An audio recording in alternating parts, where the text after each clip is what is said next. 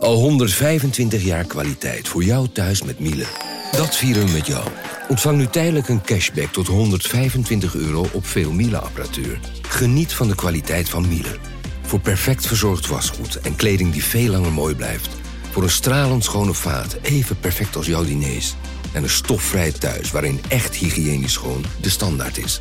Check miele.nl voor alle feestelijke aanbiedingen.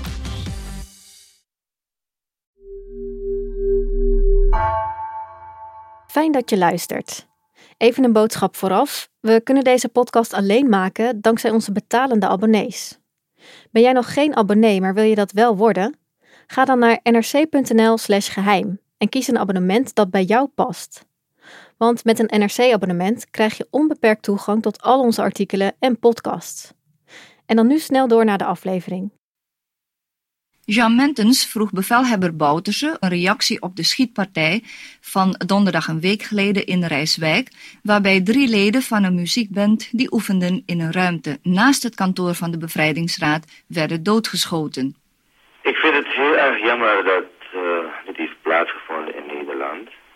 En uh, ik hoop dat dergelijke zaken zich niet meer zullen herhalen natuurlijk. Ik weet niet wat de oorzaak van is. Wat ik kan vermoeden is waarvoor ik Nederland steeds gewaarschuwd heb. Dat zij alles in het werk moet stellen om op haar grondgebied geen personen en organisatie de gelegenheid te geven om zich te richten tegen, tegen welke bevriende natie dan ook. Op 15 maart 1985 is Daisy Bouterse te horen in een uitzending van radioprogramma Zorg en Hoop, waarin hij gevraagd wordt in te gaan op de aanslag in Rijswijk. In het fragment zegt Bouterse dat hij niet weet wat de achtergrond is van de aanslag, maar dat hij Nederland al gewaarschuwd had. Ik weet wel dat bepaalde mensen in Nederland die tegen het regime hier zijn, door de autoriteiten daar op allerlei wijze uh, beschermd worden en geaccommodeerd worden. Ik weet niet wat er precies gebeurd is. Ik heb wat hij nou zegt, heb ik ook van de pers. Maar uh, ik, ik, heb er geen uitgesproken mening over. Ik vind alleen van Nederland moet begrijpen dat uh, wanneer zij op haar grondgebied het soort dingen toestaan, dat je altijd zaken krijgt die gaan escaleren.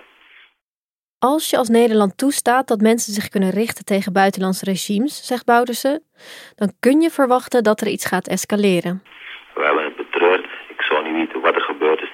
Het feit dat binnen het gebouw van de bevrijdingsraad gebeurd is, mogen we aannemen dat er, uh, dat er mensen zijn die, die tegen de bevrijdingsraad waren of zo. Maar ik heb er zelf geen, uh, geen uitgesproken mening over. U heeft uh, geen contact met die mensen op geen manier? Ik heb geen contact met met mensen waarvan we dat dergelijke activiteit zouden kunnen ontplooien. De mensen waar meer contact hebben waarvan Nederland weet, waarvan wij het weten in Suriname, die waren, dacht ik, tijdens uh, dit voorval waren ze in Suriname. Dus verder zou ik geen commentaar op willen leveren.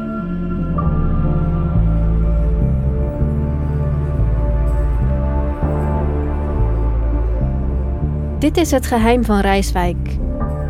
Een audioproductie van NRC. Mijn naam is Anna Korterink. Aflevering 8. Breng ons naar Fort Zeelandia.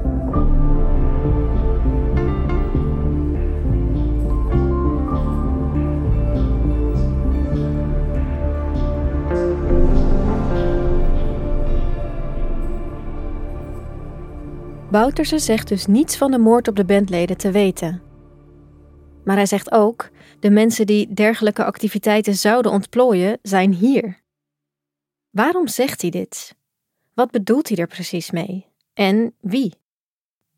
Ik denk meteen aan wat ik in de politiedocumenten las: dat alle voor de hand liggende aanslagplegers voor een alibi moesten zorgen en naar Suriname moesten gaan. Bedoelt Bouterse dat? Of wilde hiermee zeggen, de daders vind je in Suriname? We lopen. Oké, wat ik dus wil zeggen is dat daar duizend vogels zitten. Oh. Kippetjes ook, denk ik. Nee, lijkt meer duiven. Ja, dat zou het zo zijn. Ik ga straks even kijken. Mirjam en ik zijn in Paramaribo, waar we zijn uitgenodigd op het partijkantoor van Percaya Luhur, de partij van Paul Somaharjo. Somoharjo is de laatste nog levende van de oude leiders die een rol speelden bij de onafhankelijkheid. Sindsdien is hij nooit uit de politiek weg geweest. Hij zit zelf niet meer in het parlement, maar zijn zoon is minister in de regering Santokki. Even kijken. Jongerenraad. Vrouwenraad. Wat leuk hier. Secretariaat. Voorzitter. Daar zitten mensen. Maar daar staat zijn naam op. Oh ja. De reden dat ik Somoharjo wil spreken is omdat hij vanaf het begin betrokken was bij de Bevrijdingsraad voor Suriname. Getuigen die zeggen dat de Bevrijdingsraad een doelwit was van de aanslag in Rijswijk, noemen Paul Somoharjo als belangrijkste reden. Hij stelde zich hard op tegen het regime van Bouterse en dreigde ook met geweldsacties. Kijk. Goedemiddag. Goeiedag. Somoharjo is inmiddels 78 en erg hardhorend. Het duurt daarom even voordat hij weet waarvoor ik kom. Goed. Waar gaan we het over hebben? Ja, nou allereerst fijn dat we langs mogen Ja. komen. Ehm, wij zijn voor NRC, de krant, zijn we een podcast aan het maken, een audiodocumentaire. Ietsje leider. Oh, sorry. Ja, ik zal wat harder praten. Eh, ja. We zijn een audiodocumentaire aan het maken voor NRC, de krant. Die gaat over de um, zaak in Rijswijk. De aanslag eigenlijk op het kantoor van de Bevrijdingsraad. Waarbij een bandje dat toen aan het oefenen was, is toen eh, neergeschoten. Oké, dus eh, het gaat om, om, de- om de partij. Bedoel je dat? Ja, en eh, hoe verder met de partij? Dat bedoel je dat? Het gaat eigenlijk over de Bevrijdingsraad waar u in Oh, zat. De Bevrijdingsraad. In... De, bev de bevrijdingsraad. Ja. Maar dan lukt het me om hem duidelijk te maken dat ik wil weten hoe hij over de aanslag denkt. Wie zat er volgens hem achter? En hoe denkt u dat zo'n aanslag dan voorbereid is? Wie, wie zaten daar dan achter? Ik heb geen idee voor. Nee? Ja, ik heb geen idee. De, het kan, waar ze oefenen bij Rijsdijk is naast de Raad voor de van Suriname. Daar is aanslag gepleegd. Men dacht dat wij het waren. Want kijk, die, die, de huurlingen die boten gestuurd hebben, kennen ons niet. Dus die moeilijkers lijken op ons. Somoharjo zegt niet te weten wie er achter de aanslag zit, maar denkt wel dat die voor hem bedoeld was. Dat heeft te maken, zegt hij, met de Indische achtergrond van een paar van de bandleden, die hij daarom Molukkers noemt. Hij is zelf een Javaanse Surinamer en denkt dat de schutters de bandleden vanwege hun Indische uiterlijk voor hem aanzagen. Dus wij vergaderden telkens. En dat was een, toevallig een nationale feestdag van Suriname. En die jongens gingen naast ons oefenen. Het is een gebouw waarbij iedereen kan huren. En de Molukkers, de jongens die op ons leken, hadden dat een, pand gehuurd. Omdat hij niets over de verdere toedracht van de aanslag zegt te weten, leg ik hem voor wat ik in de politiedocumenten heb gelezen. Dat de Surinaamse ambassade, waarvan het personeel bestond uit Bouterse aanhangers, erbij betrokken zou zijn. Maar zou de Surinaamse ambassade in Nederland... Ja, zou die hadden rol- wij ook bezet. Ja, dit is de ambassade. En dan gaan de ogen van Somoharjo glinsteren. Ook de bevrijdingsraad had verhalen over de ambassade gehoord. En om te weten te komen waar de ambassade mee bezig was, had Somoharjo die in 1984 met een paar anderen bezet. Oké, dan hadden we een plan. We gaan dan de ambassade bezetten. Om meer gegevens, meer materialen. Maar wat die materialen betreft, dat laten wij, want we hebben nog niet afgesproken eh, hoe we dat naar buiten gaan brengen. Kijk, want die jongens zeiden nog, die mensen ik wil niet voorbarig zijn dat ik dan, eh, als wij stukken hebben van Surinaamse dat we naar buiten brengen. Somoharjo lijkt er trots op. Met ongeveer 50 mensen bezetten ze de ambassade. Op alle kantoren werden bureaulades opengetrokken op zoek naar informatie of materialen, zoals Somoharjo het noemt. En kunt u daar nu iets over zeggen? Ik wil het wel, maar ik ben gehouden aan de collectieve plicht. Maar dan is Somoharjo ineens terughoudend. Hij zegt dat hij gehouden is aan een collectieve plicht, waardoor hij me niet kan vertellen wat hij precies heeft aangetroffen op de ambassade.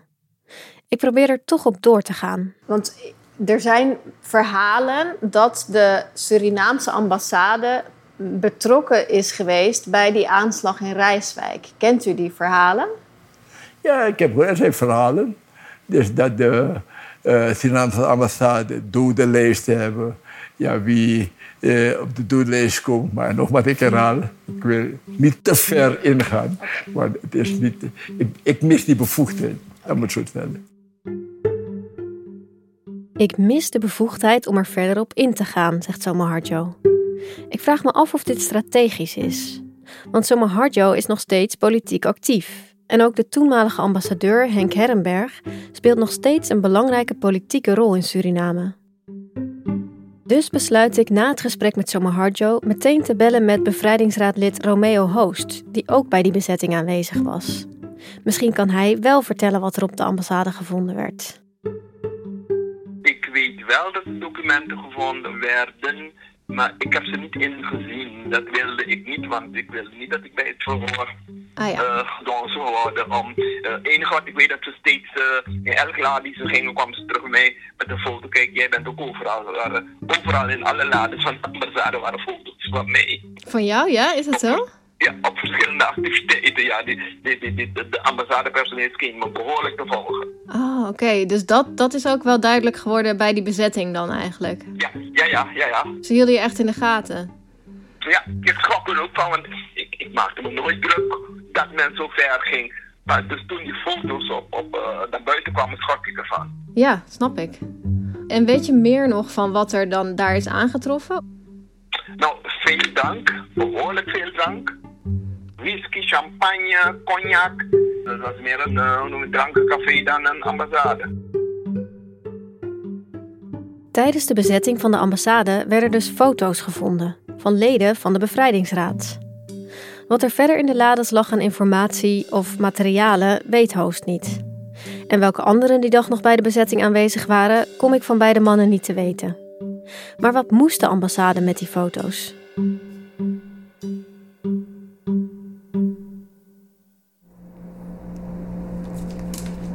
De airco mag uit. Wacht even, ik ga even het nummer opslaan hoor. Ik ga het gordijnen ook weer dicht doen.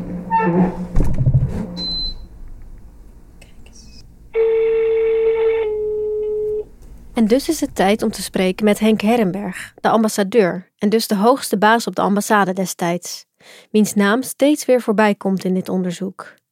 Hij is de belangrijkste reden dat ik hier in Paramaribo ben, omdat ik wil weten wat er speelde op de ambassade.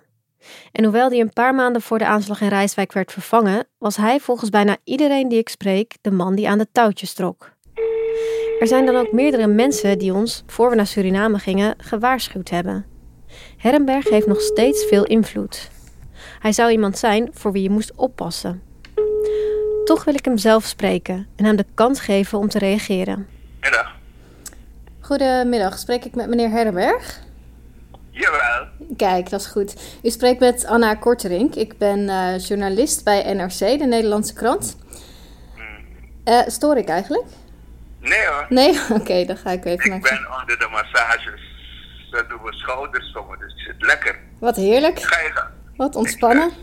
Ja, ik... Ja, uh, ik, uh, ik bel u omdat ik bezig ben een, uh, een audiodocumentaire te maken voor de krant.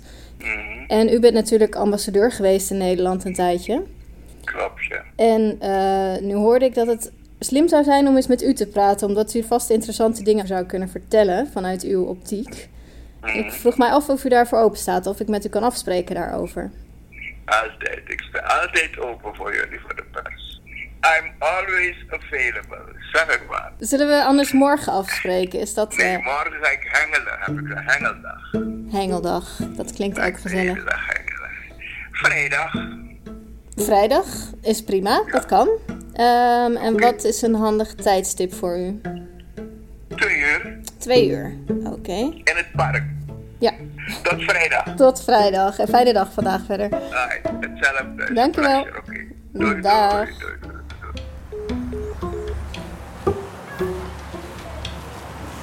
Daar gaan we dan. Goedemiddag. Hallo. Moeten wij even uh, ontsmetten? Ja. Ga je de keuken of zo? Uh, we hebben een afspraak hier in de tuin met uh, meneer Herrenberg. Oh, oké, okay, oké, okay, oké. Ja. ja, ja. Is dat, kunnen we gewoon ja. doorlopen dan? Meneer Herrenberg is in de baan, hè? Ja, ja. ja, Ah, ja. ja. Bedankt.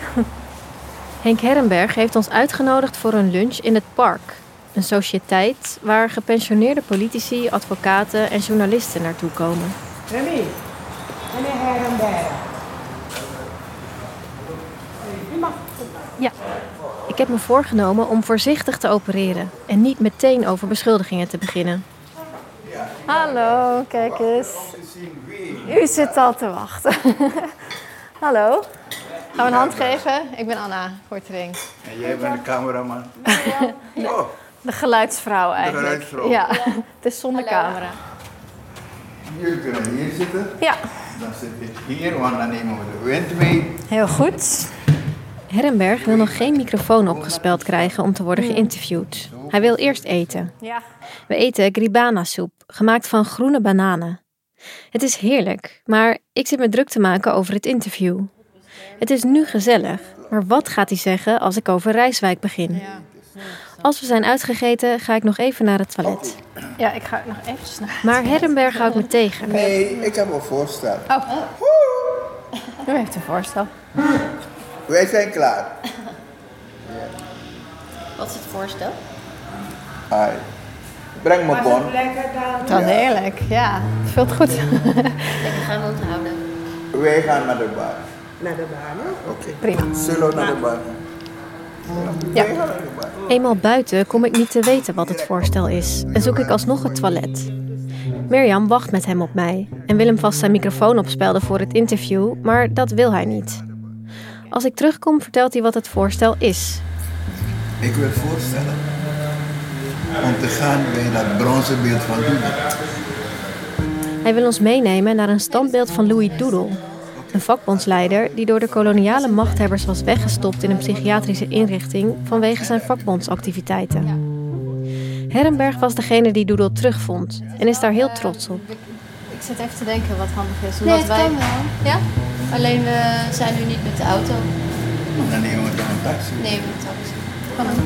Ja, kan. Als u dat wilt. Of we doen, wat we ook kunnen doen, is we doen een deel hier. Ja, of dat we eerst En een deel hier en daarna doen. Nee, nee, nee. Je moet een tropisch ding hebben. Oké. Nee, nee, nee. Het is duidelijk. Meneer Herrenberg heeft de regie over dit gesprek. Ik begin te vermoeden dat hij weet dat we met een moeilijk verhaal zijn gekomen. En dat hij mij wil laten zien dat hij de controle heeft. Maar ik zie geen reden om het niet te doen. En dus stem ik in. Kunnen we dan hier vragen of ze een taxi... Ja, nee, ze gaan het taxi. Oké. Dat heeft u al geregeld. Voorstel aangenomen. Ja, ja hoor, Ja. zeker. Powder wordt dat.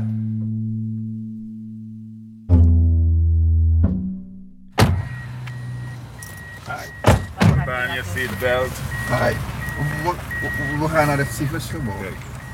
Het vakbondsgebouw waar Herrenberg ons mee naartoe wilde nemen, blijkt wegens corona gesloten. En dus rijden we door naar het politieke centrum van Paramaribo. Luister nou. Breng ons achter het kabinet van de president. Daar achterin bij dat water. Daar zit de staatsraad, waar militaire machthebbers in de jaren 80 vergaderden. En Fort Zeelandia, de plek waar de decembermoorden hebben plaatsgevonden, ligt ernaast. Hij voorstellen. Portselaan, ja, dat is ook goed.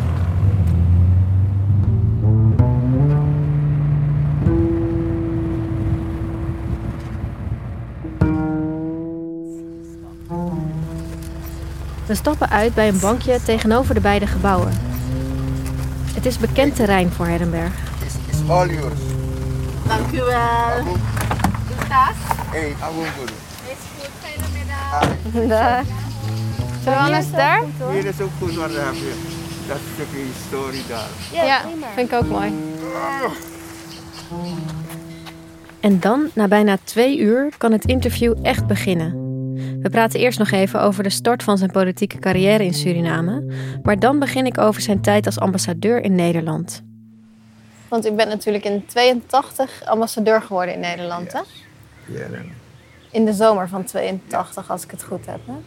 En hoe, hoe was dat om ehm, in Nederland ambassadeur te zijn van een land dat eigenlijk op dat moment niet echt goede betrekkingen met Nederland had? Hoe was dat in die tijd? Luister nou. Ik zal niet zeggen, ik ben een geboren diplomaat. Maar ik weet dat toen ik in Holland aankwam, als ambassadeur,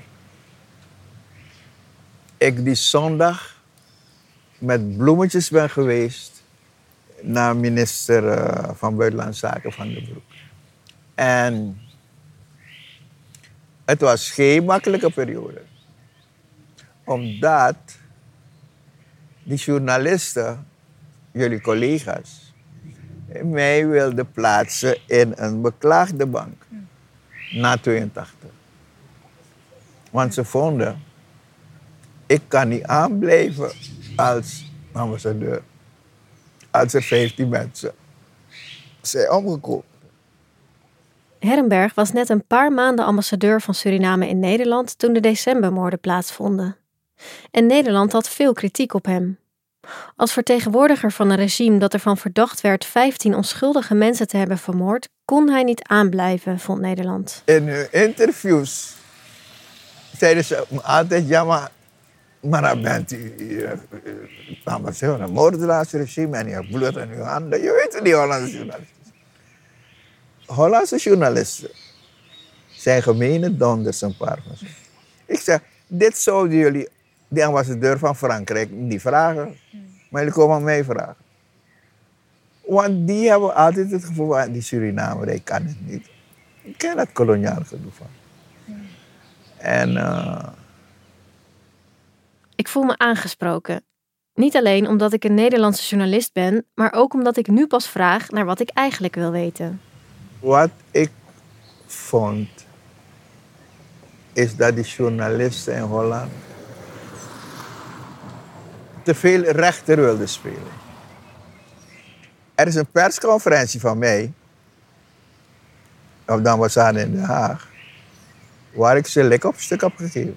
Ik wil graag een antwoord op de vraag: zijn die mensen vermoord of niet?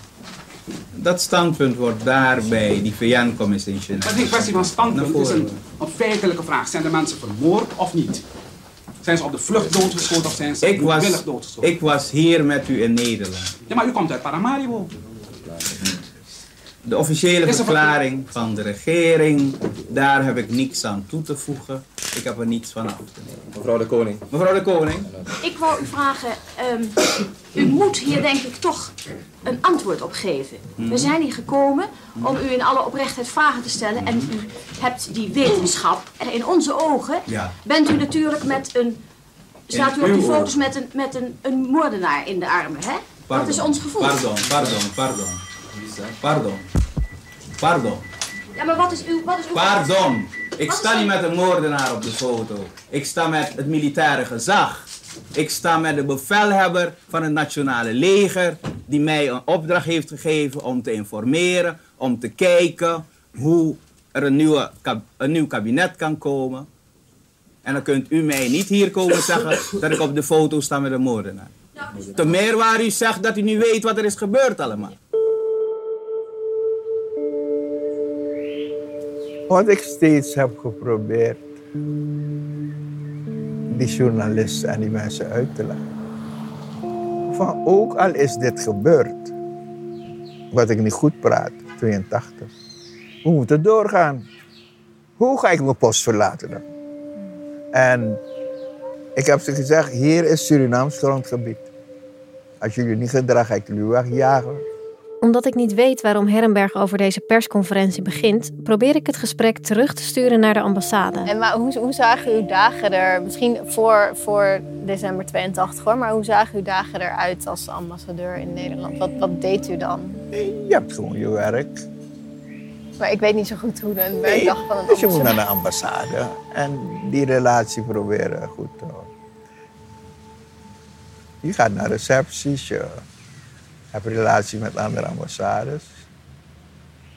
Ja, gewoon ambassadewerk. En hoe groot was de ambassade in... eh, Den Haag. Ja, als in hoeveel mensen werkten daar?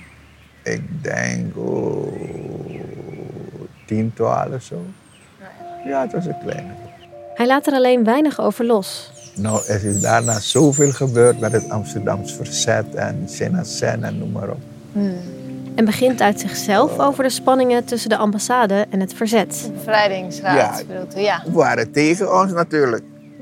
En hebben een keer die ambassade bezet. En de bezetting van de ambassade. Was u toen zelf op de ambassade? Nee of hoor. hoe ging dat? Nee, wij, wij, wij waren al Even snel als dat hij erover begint, praat hij er ook weer overheen.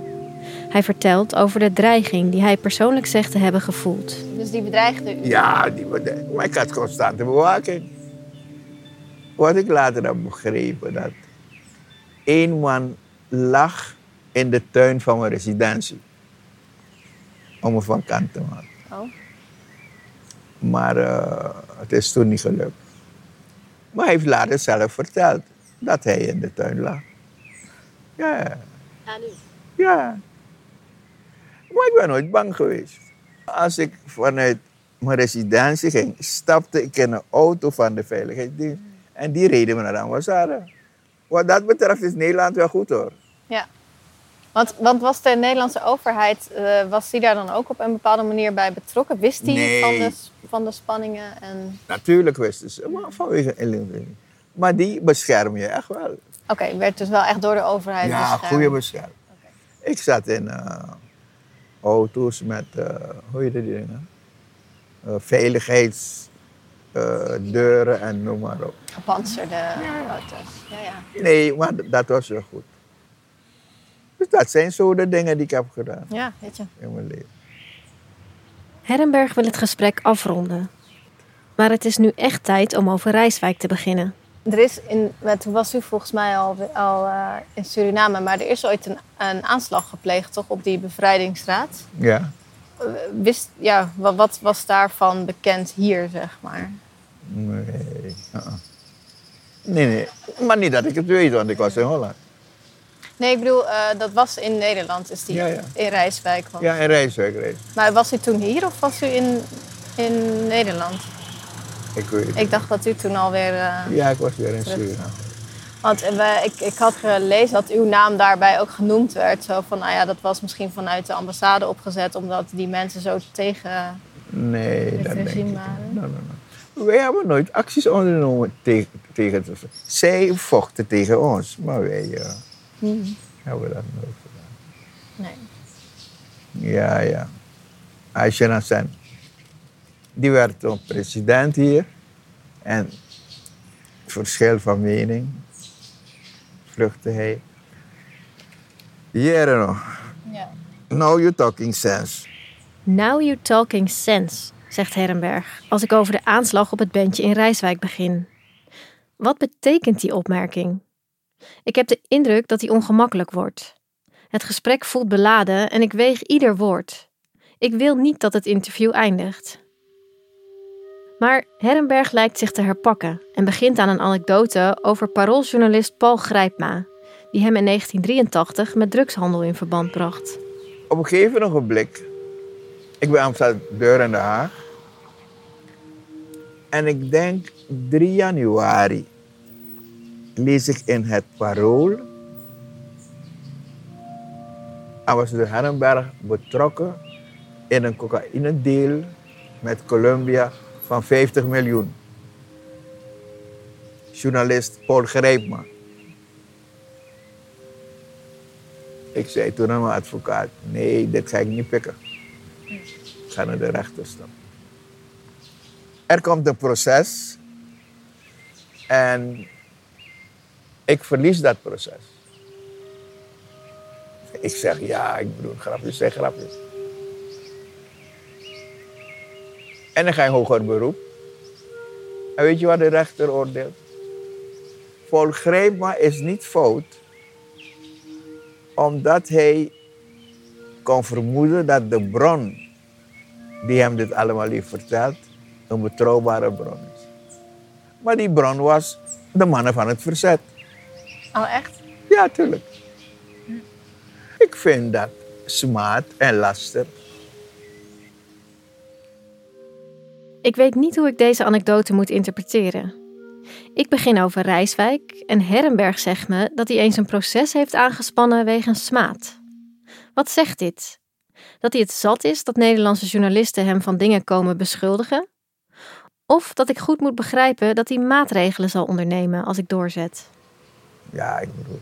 Kijk, men zegt hoge bomen vangen veel wind. Ja.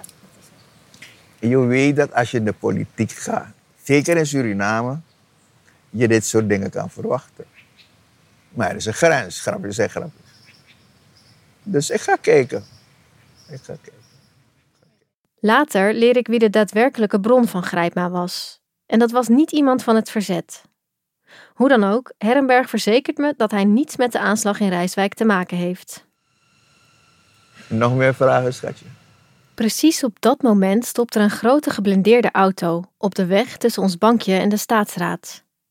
Een man met een gesteven wit overhemd boven een nette zwarte pantalon stapt uit. Op zijn hoofd een zonnebril en op zijn linkerborst prijkt een kleine Surinaamse vlag. Hey. Fego, fego, fego. Ja, dit is mijn echte oom. Ja? Hoe gaat het? Hij komt Herrenberg groeten. De mannen geven elkaar een handklap. Hij is veiligheidsman van president Bouterse. Oh, is dat zo? Kijk. Hij ging Hallo. overal... Dan wijst de man op de microfoon op mijn kraag. Je neemt niet op, toch? Hij ging Hallo. Je neemt overal... op, toch? Ja, het loopt wel. We zijn aan het interviewen. We zijn aan het interviewen. Kunt u Oké. okay. woorden letten? Nee, nee, nee. moet, alleen moet ik weten wat. Het is niet live, dus het is... eh, Maar wij zijn transparant. En we zeggen wat we doen en doen wat we zeggen. Nee, vanaf... Als de beveiligingsman weg is, wil Herrenberg het gesprek nogmaals afronden. Heb je nog wat, Godo? Ik heb nog wel een vraag. Hoe kijkt u dan naar zo'n beschuldiging dat de ambassade betrokken zou zijn bij zo'n zaak in Rijswijk? Ik weet het niet. Het gaat me altijd zeggen toch. Want die ambassade is Bouterse. Ja toch? Ik was toch met Bouterse. Ik werd toch ook beschuldigd van 8 december. Nee, dus iedereen die bij Bouterse was toen, is 8 december moorden toch? Ja, hier en nog. Dat wordt gewoon op één lijn. Ja toch? Dus, dus dat ga je altijd hebben. En Herrenberg is Bouterse.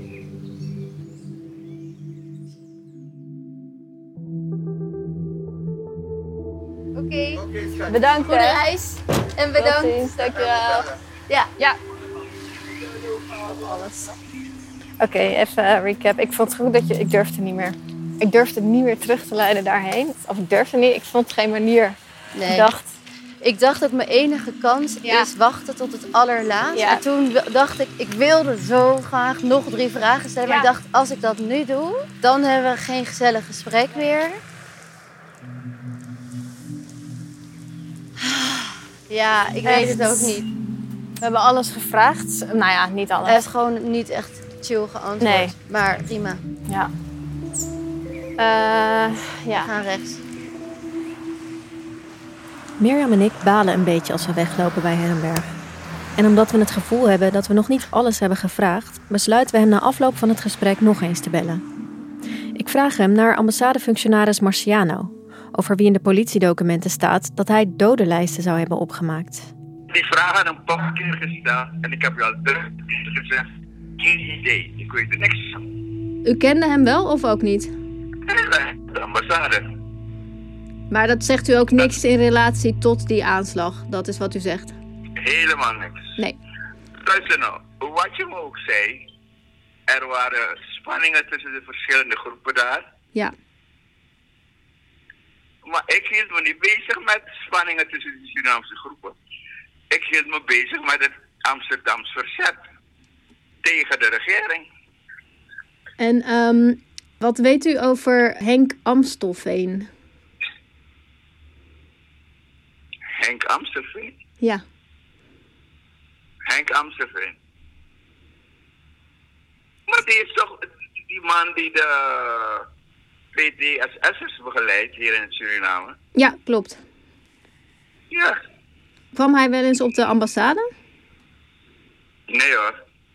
Maar luister schatje, dit lijkt op een kruisverhoor. Oh. Ben ik in de rechtszaal of Nee, nee, nee. Wat ik, ik, ik probeer dat even te bevestigen. Dat is eigenlijk waarom ik het u vraag. Nee, ik weet het niet meer. Oké. Nog meer vragen? Hoeveel vragen ik Herrenberg ook stel, hij laat niet veel meer los over zijn tijd als ambassadeur. En over de zaak in Rijswijk wil hij al helemaal niets vertellen. En de verdachte van de politie, Henk Amstelveen, zegt hij wel te kennen, maar er verder niet veel over te weten. Ik zou die man daarom graag zelf spreken. Ik weet dat hij een stichting runt voor dak- en thuislozen in Paramaribo, maar ik kon die stichting tot nu toe moeilijk vinden. Maar na een paar dagen heb ik mazzel. Via Facebook vind ik een adres en er is iemand die me een mogelijk telefoonnummer van Amstelveen geeft. Gaan we naar de ingang polyklinieken? Of de hoofdingang? Nou ja, vragen we wel. Receptie, daar moeten we eigenlijk gewoon even vragen. Omdat we Amstelveen liever in persoon spreken dan over de telefoon, besluiten we de stichting maar gewoon te bezoeken. Wie weet is die hier gewoon aan het werk. Daar zit iemand achter een balie. Misschien kunnen we die, die staan vragen. De sociaal-psychiatrische dienst. Hallo. Ja. Ehm, wij zijn eigenlijk op zoek naar, of we hebben gehoord dat Stichting Rika hier op dit adres ook zit. En we zijn op zoek naar de ehm, Henk Amstelveen. Ik weet niet of jullie het kennen. Hij werkt niet meer hier. Oh, nee? Oh. Hij heeft wat dingen. Hij heeft wat andere ah, dingen nu aan andere plaatsen. En weet u waar, de, waar die eh, dan Dat is weer dingen. Waar niet deze dingen? Dat is ook allemaal wijnen, hè? Is wat dingen, Satillion. Satillion. Satelion? Is dat een eh, locatie of een eh, adres? Dat is Satillion de Bakker. Satillion is helemaal Domburg. kant, hè? Domburg. Oh, Ja. oké, dat is ver. Oké, daar zit nu... eh Amstelveen, hè? Ah, oké. Ik ga even bellen. Ja, vraag of ik voor nummer mag afgeven. Dan geef ik u het nummer. Ja? Ik zit even hier, wacht. Oh ja. Oké. Terwijl Mirjam en ik wachten tot de vrouw terugkomt, zoek ik op waar Domburg is. Aan de overkant van het water, zie ik. En volgens Google Maps gaat het een paar uur duren voor we daar kunnen zijn. En? Ik heb net hem gesproken. Ja. Ik zeg van, je dit zo druk? Hij heeft heel druk. Oh, oké. Dus bedankt voor het navragen. Oké. Succes. Dag. Dankjewel. Mirjam en ik overleggen wat te doen. Naar Domburg rijden in de hoop dat hij toch tijd heeft? Of alsnog proberen te bellen?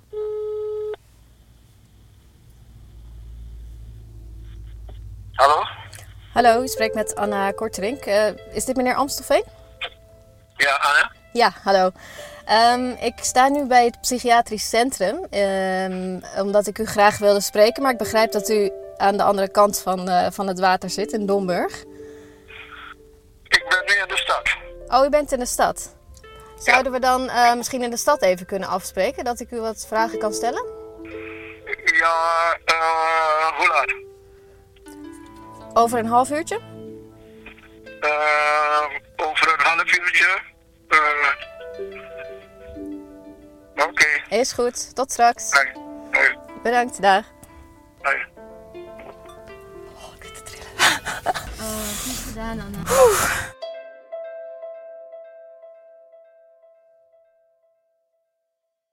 Volgende week in het geheim van Rijswijk. In, de, in het politiedossier staat ook dat ze bij hem wapens hebben gevonden. Dat is niet waar. Dat is toch gek? Dat is niet waar. Ja, Dus wat, dat- eh, daar weet ik niks van. En dat zou ik zeker geweten hebben. En Ja. ook zeker nog kunnen herinneren. Nee. Nee. Dit is Het Geheim van Rijswijk, een podcast van NRC. Gemaakt door mij, Anna Korterink en Mirjam van Zuidam. De montage werd gedaan door Jan-Paul de Bond en de muziek door Rufus van Baardwijk. Eindredactie is in handen van Hans Budding. We hadden deze podcast niet kunnen maken zonder Anne Moraal, Wubby Luijendijk, Nina Jurna, Marcel Hane, Herman Staal, Guus Valk en Ruben Pest. Volgende week een nieuwe aflevering. Kun je niet wachten en wil je meteen verder luisteren? Je vindt de volgende aflevering nu al in de NRC Audio-app. Daarvoor heb je geen abonnement nodig. Daar vind je trouwens ook de Vandaag Zomerserie die Nina Jurna maakte over vakbondsleider Louis Doedel. In deze podcast wordt een aantal namen genoemd. Ook van mensen die in gesprekken met betrokkenen of op basis van documenten als mogelijke verdachten worden aangemerkt. NRC heeft bij ieder van hen wederhoor gepleegd, mits zij nog in leven zijn. Als ze daar gebruik van wilden maken, krijgen zij in deze podcast de ruimte om te reageren. Hun reacties zullen in volgende afleveringen te horen zijn. Als het een overleden persoon betreft, is contact gelegd met de nabestaanden. Ook aan de verschillende instanties die in deze podcast voorbij komen, waaronder politie en justitie, is om een reactie gevraagd. Als zij daar gebruik van hebben gemaakt, is ook hun reactie in de podcast verwerkt. Technologie lijkt tegenwoordig het antwoord op iedere uitdaging. Bij PwC zien we dit anders. Als we de potentie van technologie willen benutten, kunnen we niet zonder een menselijk perspectief. Human-led, tech-powered noemen we dat. Ga naar pwc.nl.